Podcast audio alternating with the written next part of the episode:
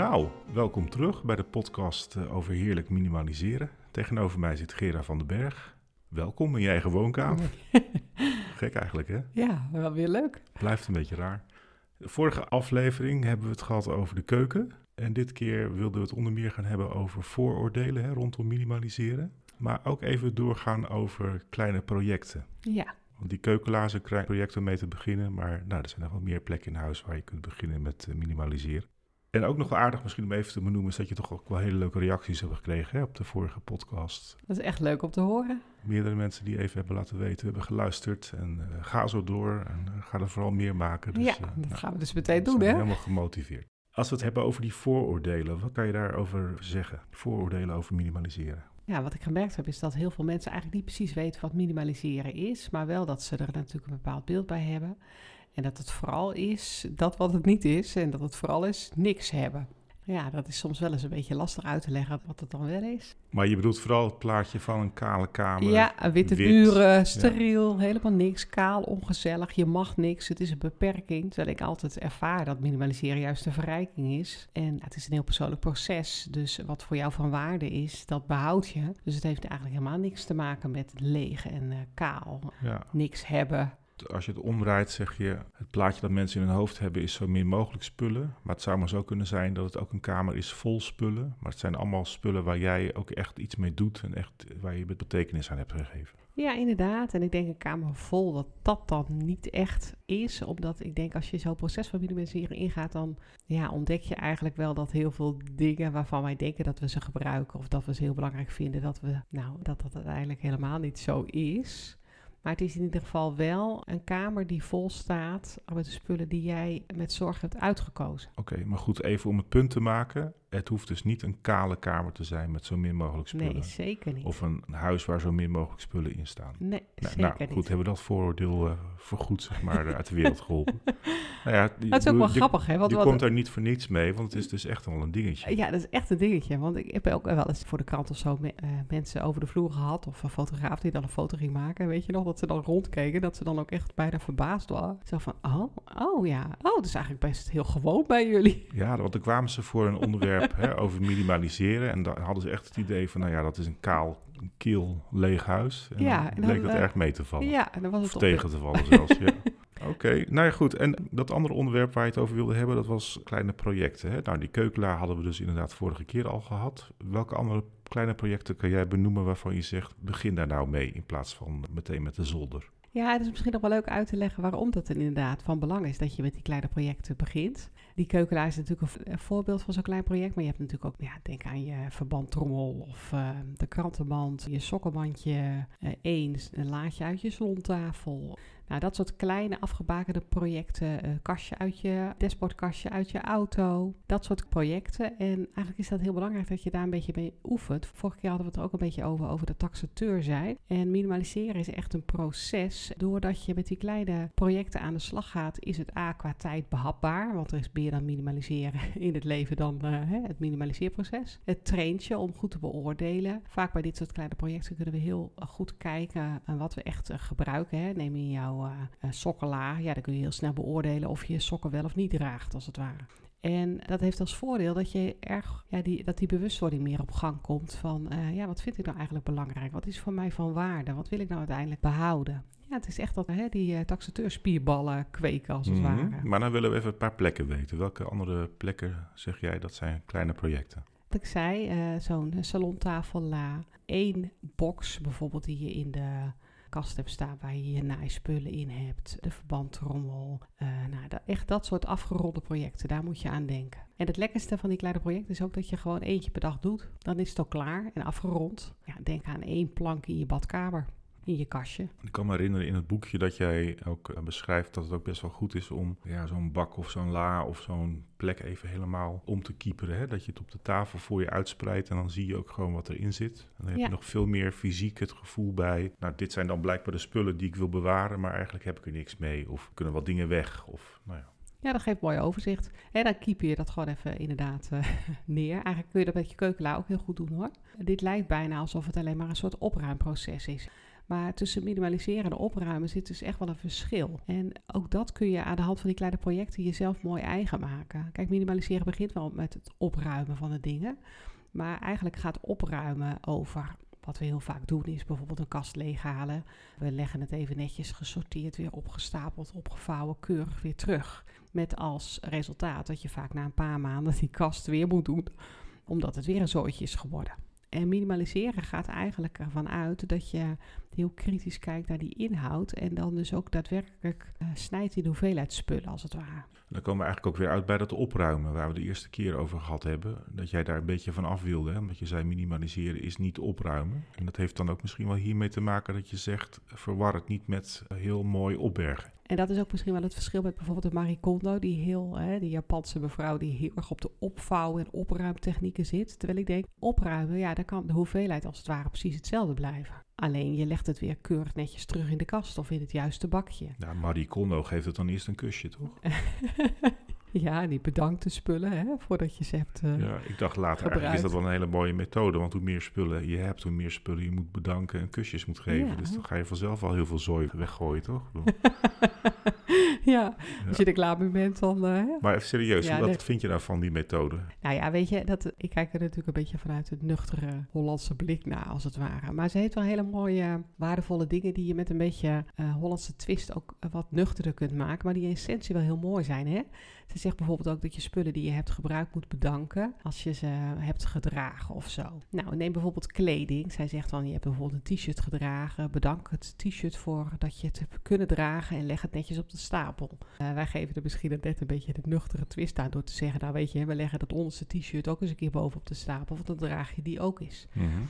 Dus met een beetje vertaalslag zijn er best heel veel waardevolle dingen uit te halen. Ook het idee dat zij uitgaat niet van dat wat weg is, maar ook wat voor jou van waarde is. Hè. Zij noemt het dan, uh, dat is het spark joy, dat je er blij van. Nou ja, dat, dat is net die, uh, dat omdraaiprincipe. Dat vind ik wel een mooie, ja. Ja, ik vind ook het woord waarde heel mooi en ja. van waarde. Want daar zit eigenlijk alles ook in. Van waarde en waardevol, dat is... Ja. Uh, en als we daarnaar kijken, want de spullen hebben natuurlijk ook een bepaalde waarde, intrinsieke waarde, zijn geld waard. Is dat ook niet eigenlijk gewoon een dingetje? Zo van, ja, je moet er afstand van nemen, maar, of je moet, hè, je wil dan op een gegeven moment huisraad kwijt, maar het heeft ook allemaal geld gekost, dus... Ja, die economische waarde speelt natuurlijk wel een grote rol in het beoordelen, ook in het durven loslaten van de dingen. Inderdaad, als iets veel geld heeft gekost, maar het ligt eigenlijk onaangeroerd in je huis, ja, dan is er soms best wel een beetje moed voor nodig om dan de knoop door te hakken. En vond jij dat dan ook zelf niet zonde dan? Want je hebt toch ook dingen weggedaan die geld kosten? Ja, dat vond ik zelf ook wel zonde, maar in die zin meer zonde. Uh, het was meer een confrontatie dus met mezelf, dat ik dacht, waarom heb ik die dingen überhaupt gekocht? Dat. Maar ik heb ook wel geleerd dat eigenlijk de schade om elke keer geconfronteerd te worden met dat wat er ligt, wat veel geld heeft gekost, dat je niet gebruikt, dat is misschien nog vervelender dan het idee dat je toch durft los te laten, omdat je er misschien een ander mee blij maakt. En je dan ook loskomt van die confrontatie. En dat ja, hielp mij wel. Dat, is dat, dat herken ik met kleding, met een blouse die je niet draagt. Daar heb ik nog wel een handje van en dan koop ik het. Tenminste, in het verleden was het nog wel eens. Hè, dan kocht ik een heel duur overhemd. En dan zat het niet lekker of vond de kleur Mhm. toch niet bij me passen. En dan hing dat ding in de kast en had ik elke keer zo'n negatief gevoel als ik die kast opende eigenlijk. Ja, en dan de, die prikkel. Ja, het is soms ook heel fijn om dat zeg maar soort los te laten. Maar, je, jij, jij maar zegt mag dan, ook, hè? Want maar jij bedoel, zegt dan moet je het eigenlijk gewoon wel wegdoen. Ja, ik zou het zeker dan, wegdoen. Dan bevrijd je jezelf ook van elke keer die confrontatie. Ja, en het- dat is ook wat mooie vind ik van het minimaliseren. Dat, kijk, weet je, als mens kun je het nooit 100% goed doen. Dus het idee dat je een keer miskoop hebt, ja, allee, dat hoort erbij als het ware. Maar gedurende dat hele proces word je natuurlijk wel steeds meer bewust, ook over kleding bijvoorbeeld, dat wat je stijl is. En nou, jij zult nu, je zei al, ik deed dat vroeger, ja, je bent je nu meer bewust van de dingen die je wel koopt. Dus dat zijn ook soort fouten uit het verleden. Dat klinkt wel heel Ja. zwaar, maar dat, ja, hoe verder je komt in dat proces, hoe minder vaak je ook dat soort dingen gaat meemaken. Maar hey, het blijft, ja, dat blijft bestaan natuurlijk. Ik vind het wel mooi wat je zegt. want Eigenlijk komt erop neer, je weet steeds beter wat bij je past. Dus je maakt minder de fout dat je iets koopt wat niet bij je past. En, Ja. en tegelijkertijd, nou ja, ik, ik, ik koop wel eens kleding op Marktplaats. En vorig jaar heb ik negen overhemden gekocht. Maar er zitten er toch een paar tussen die, waarvan ik ja, denk, Mhm. ja, die kleur, het is het net niet. Je hebt ze allemaal keurig gewassen en gestreken voor me, want daar ben, ben ik niet zo heel handig in. maar dat hangt in mijn kast en elke keer denk ik nu wel van, ja, heb ik ze eigenlijk alle negen nodig, hè? Ja, dan heb je er eigenlijk alweer te veel. En het is ook grappig, want ik zie jou ook dezelfde blouse pakken. Mhm. En dat zijn dus waarschijnlijk je lievelingsblouses. Ja, nou ja, het, het, het liefst zou ik de hele week gewoon alleen maar in mijn ripjasje met een zwart t-shirt lopen. Ja, Ja, maar dat is niet omdat ik minimaliseer, maar dat is gewoon, dat had ik ook voor die tijd al fijn gevonden, zeg maar. Oké, we dwalen wat af. ja, want die kleding, dat komt nog wel een keer. Kleine projecten nog heel even. Als het dan gaat om projecten, eh, bijvoorbeeld in huis, heb jij dan plekken die vaak worden vergeten, waarvan je zegt van nou, daar kun je ook eens kijken om, om misschien te beginnen? Ik denk dat mensen vaak te groot denken. Hm. Wat aan een kleine project zou ik denken, bijvoorbeeld je hebt een kast in je woonkamer staan. En eh, mensen beginnen dan meteen met de hele kast. In plaats van één laadje. En dat zou ik eerder doen. Ook omdat je had het net over die waarden. Hè? Je hebt die economische waarde. Maar natuurlijk ook om te beoordelen wat de functionele waarde is. Want dingen hebben natuurlijk ook die functionele waarde. En eh, ja, we hebben in ons huisraad ook heel veel dingen die we misschien best hartstikke mooi vinden. Maar die voor geen meter werken. Dus ook dat kun je meenemen als je gaat beoordelen als een taxateur die kleine projecten als het ware. Nou ja, ik denk ook even aan opmerkingen. Ook al in onze familie werd het ook wel eens genoemd. Het eet geen brood of, zo, of iets dergelijks. Hè. Of nou ja, het is altijd nog een keer handig. Altijd handig. Maar daar moet je ook mee afrekenen, toch? Kijk, we, eh, we bewaren natuurlijk heel vaak al die spullen. Dat is dan vaak spullen ook met die emotionele waarde. Hè? Op zolders, eh, waarvan we denken: oh ja, dat is altijd handig als mijn kinderen straks groot zijn. Maar ja, het is eigenlijk best jammer dat die spullen dan dus 15 jaar onaangeroerd ergens liggen voor het idee dat er later misschien nog ooit is. Ja, Maar oké, maar ik bedoel, dan denk ik, iemand die dit dan nu luistert, denkt, ja, maar waarom zou ik het dan wegdoen? Want het is dan toch ook zonde? Ja, je kunt het ook in de tussentijd natuurlijk nog uitlenen. Hè? Dat kan ook nog. Maar dat is hetzelfde als bijvoorbeeld extra serviesgoed. Dat is zoiets. Hè? Dat je denkt, nou weet je, dat bewaar ik even voor mijn kinderen als ze gaan studeren. Hartstikke leuk, want dan hebben ze natuurlijk ook serviesgoed nodig. Ik denk dan, vraag eerst maar aan je kinderen of ze überhaupt de smaak en de stijl wel leuk vinden. Want anders bewaar je een hele doos serviesgoed voor, ja, voor niks. Ik kan me herinneren dat jij ook zei van, nou ja, tegen de tijd dat we het nodig hebben, als onze kinderen gaan studeren, nou, onze oudste die studeert nu al en de tweeling daaronder die gaat na de zomer studeren, dus we zitten precies in die fase. Maar jij zei toen in de tijd, als ze het nodig hebben, kunnen we altijd nog weer naar de kringloopwinkel om het te kopen. Precies. Laten we spullen ook gewoon heel snel in die roulatie brengen. In plaats van al die dubbele huisraden, maar verzamelen in je eigen huis.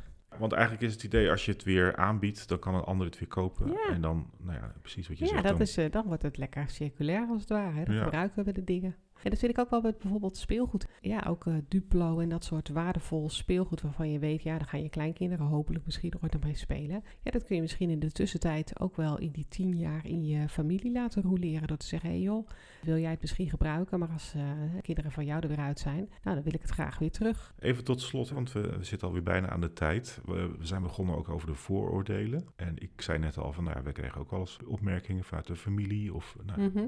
Kan jij ja, een paar tips geven voor hoe je omgaat met negatieve reacties? Als eerste hè, is het natuurlijk fijn om te bedenken dat het eh, jouw proces is. Dus dat je niet zoveel hoeft met de opmerkingen van een ander. Dus laat ook dat stuk gewoon los. Ja, soms is het ook eh, natuurlijk leuk om jezelf niet al, of dat hele proces niet al te belangrijk te maken.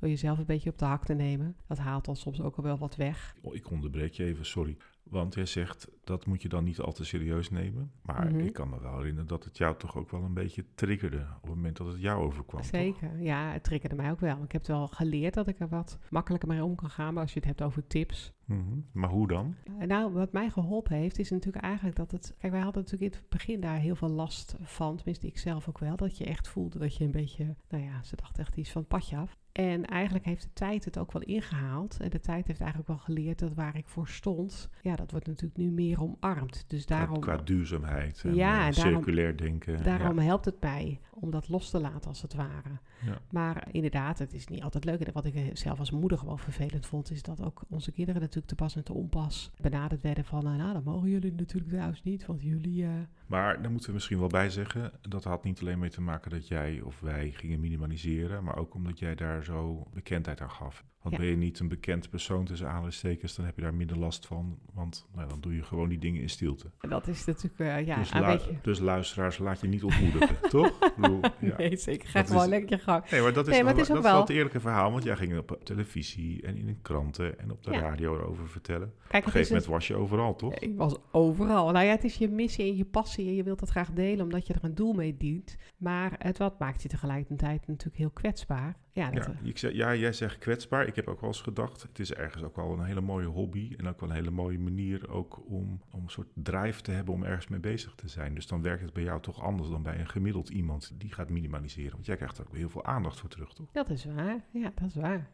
Maar zo is het natuurlijk niet begonnen. Het is een beetje natuurlijk uit de hand gelopen hobby. eh, Ja. dat was natuurlijk niet de insteek, maar dat is inderdaad, dat werkt wel. Ja, en dat leert ook wel dat je nu terugkijkend denkt, nou ja, eh, laat ze maar denken wat ze denken als het ware. Want eh, ik volg daar in mijn eigen pad. Ja, want dat heeft je ook wel weer heel veel nieuwe dingen gebracht. Ontzettend veel. Je hebt Ja. jarenlang op een school gewerkt en je werkt nu voor jezelf. Hè? Eigenlijk ook vanuit die duurzaamheid. Dus dat Ja. kan ook weer anderen eigenlijk ook weer aanzetten om ook daarin stappen te zetten. Want dan kan je ook weer op andere plekken brengen. Nou, inderdaad. En ik, eh, dat is natuurlijk wel het klassieke voorbeeld van je hobby, eh, je werk maken. Ik wou het niet noemen, ik vind Nee, het zo cliché. ja, het is heel sorry. cliché. Ja, maar goed. Maar het is een, tegelijkertijd, ook al is het heel cliché, hè, is het eigenlijk in essentie wel heel mooi. Ja, nee, maar dat is met alle clichés dat, natuurlijk. Ze zijn ook gewoon waar. En dat, en dat Ja. heb ik wel echt ervaren. En dat is ook wel iets waar ik elke dag nu dankbaar voor ben. Ja. Soms denk ik wel, het toch wel wonderlijk dat ik dat met zo'n zoekterm, dat het zo is begonnen, al googelend. En dat je een soort bevangen wordt door een soort virus. Dat je denkt, oh ja, maar dat is natuurlijk,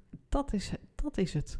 Ja. En dat het zo uitgroeit en dat het ook, doordat je zo die stappen zet en nu bevestigd wordt dat je dat heerlijk minimaliseren, je eigen bedrijf erin hebt, dat voelt ook als een soort beloning. Ja. Snap je dat? Ja, ik, dat snap ik zeker. Want ook dat, nou goed, ik zeg de hele tijd maar van ook dat is leuk om even te vertellen. dat valt mij op. Maar goed, ik bedoel daar verder niks mee. Op zich is het best aardig om ook te vermelden dat jij gewoon die eerste jaren ook geen, geen dubbeltje verdiende met het hele gebeuren. Hè? Het was allemaal liefdewerk uit papier. Ja. Dus ik ja. bedoel, het is niet eh, dat jij hier rijk van wordt of iets, iets Eh, nee, ik word dergelijks. hier niet rijk van, nee. Nee, want je hebt al die Nee. tips gewoon gratis weggegeven. Je hebt een boekje geschreven. Nou ja, daar heb je natuurlijk wel wat van verkocht, maar daar verdien je ook niet zo heel veel aan. Nee. Of eigenlijk drie, drie keer niks, kun je beter zeggen. daar word je Dus echt niet rijk Het gaat van. niet om het geld, hè? Nee, het gaat helemaal niet om het geld. Maar het gaat wel om, dat is eigenlijk mijn drive inderdaad. Ik zeg heel vaak dat spread het nieuws. Hè? Dat ik het probeer, dat inspireren, dat vind ik gewoon het leukst. En dat is zakelijk gezien natuurlijk helemaal niet handig. Want ik inspireer dus als een malle, maar ik verdien er geen rol mee. Nou ja, Nou ja, zo. goed omdat je zegt van het is nu een bedrijfje geworden, dat is Ja. voor mij een beloning. Ja. Zo kwam ik erop, want, Ja. want ergens ze- zet het je dus wel op een pad en kom je verder en kom je weer. Hè, Ja, ja, en dat, dat is natuurlijk van, mooi. Van B, van B naar C en van C naar D. En, Ja. nou ja. En in die zin zie je dat het dus uitgroeit. En eh, nou ja, heb je er nu een inkomen aan, als het ware. Maar eh, ja, dat, die eerste paar jaar was het natuurlijk echt gewoon ja, alleen maar. Ja, nou ja, dan zal, ik, geven. dan zal ik daar ook maar heel eerlijk over zijn. Ik dacht ook wel eens van, joh, moet het allemaal? Hè? Want het is A, al eh, bijzonder dat je het hè, gaat doen, minimaliseren. En dan ook daar nog zo over informeren en, en iedereen daarmee bij betrekken. Maar goed, ik denk dat het alleen maar heel veel heeft opgeleverd. Ook anderen, hè, want ik bedoel, dat- je krijgt heel veel reacties. Ja. Laten we er gewoon niet omheen draaien. Nee. Heel veel mensen geven terug van, nou, wat fijn dat je het allemaal met ons gedeeld hebt. Want dan kunnen wij ook weer hè, dingen uitputten. Ja, ik heb heel en dat veel... is tot eh, op de dag van vandaag. Hè. Dat gaat maar door. Ik krijg zo vaak reacties of van mensen die zeggen, nou, eh, hè, ik ben ook bevangen. En daar moet ik natuurlijk altijd wel erg om lachen. Maar het is een soort, ja, dat inspireren, dat, dat, Ja. dat laat zijn sporen na. En de beloning in die zin voor mezelf is natuurlijk hartstikke leuk om te merken dat mensen zelf dat proces ingaan en zelf eh, daarin keuzes maken. En eh, nou ja, gekscherend krijg ik natuurlijk ook opmerkingen terug van, eh, ja, dan loop ik in de winkel en dan denk ik aan jou, eh, wat zal Gira zeggen? Nou, daar moet ik natuurlijk erg hilarisch om lachen. Maar het is wel leuk dat je mensen toch een stapje verder helpt in de dingen Ja. die, ja, naar mijn idee belangrijk zijn. Nou ja, zelfs in negatieve zin, in de zin van dat mensen het helemaal niks vinden, maar dan Ook. toch aan jou denken. Hetzelfde bij reclame waar je aan stoort. Hè? Ja. Dat je denkt, oh, ja, daar gaan we Ja. weer. Ja. Ja, wat zal Gira wel zeggen? Nou, dat wil ik niet. Nee, Ja. dat. Nou ja, want er waren ook, ook collega's die tegen jou zeiden op school toen, hè, in de pauze, van ik heb een eh, boterhamzakje mee. Ja, ik heb er niet aan gedacht, sorry. Die zich verontschuldigde naar, naar, naar jou toe, toch? Fantastisch, ja. Ja. Een soort milieupolitie Ja, eigenlijk. een soort, eh, ja, Ja. dat hè. Ja, Nou ja, of dat ik eh, bij iemand binnenkom dat, eh, dat ze denken dat ik de opruimpolitie ben. Ja, kijk niet naar de troep. Nee, Ja, jij zal dit wel niks vinden. Ja, nee, dat... moet je horen, we hebben nog honderdduizend onderwerpen om over te praten. ja, Dat gaan we nu allemaal niet doen. nee. Maar die komen in de volgende afleveringen. Want dat schijnt zo te werken bij een Ja, hè? podcast. Je maakt aflevering na aflevering. Heb jij tot slot nog iets op te merken? Iets dwingends, iets dringends? Nee, Nee? geloof het niet. Waar gaan we het de volgende keer over hebben? Ja, ik denk dat we dan eens gaan kijken naar de woonkamer iets breder, zeg maar. Hoe we dat doen met inrichting en spullen. Ik Dat voel hem al aankomen waar het over gaat dan. Want- Oh ja? Ja, ik zeg niks. Maar het is inderdaad wel iets wat heel veel mensen eh, apart vinden aan ons en aan de woonkamer. Het is een cliffhanger, hè? Snap je? nou, ik zeg gewoon doei, dikke doei. En dan praten we de volgende keer verder. Jo.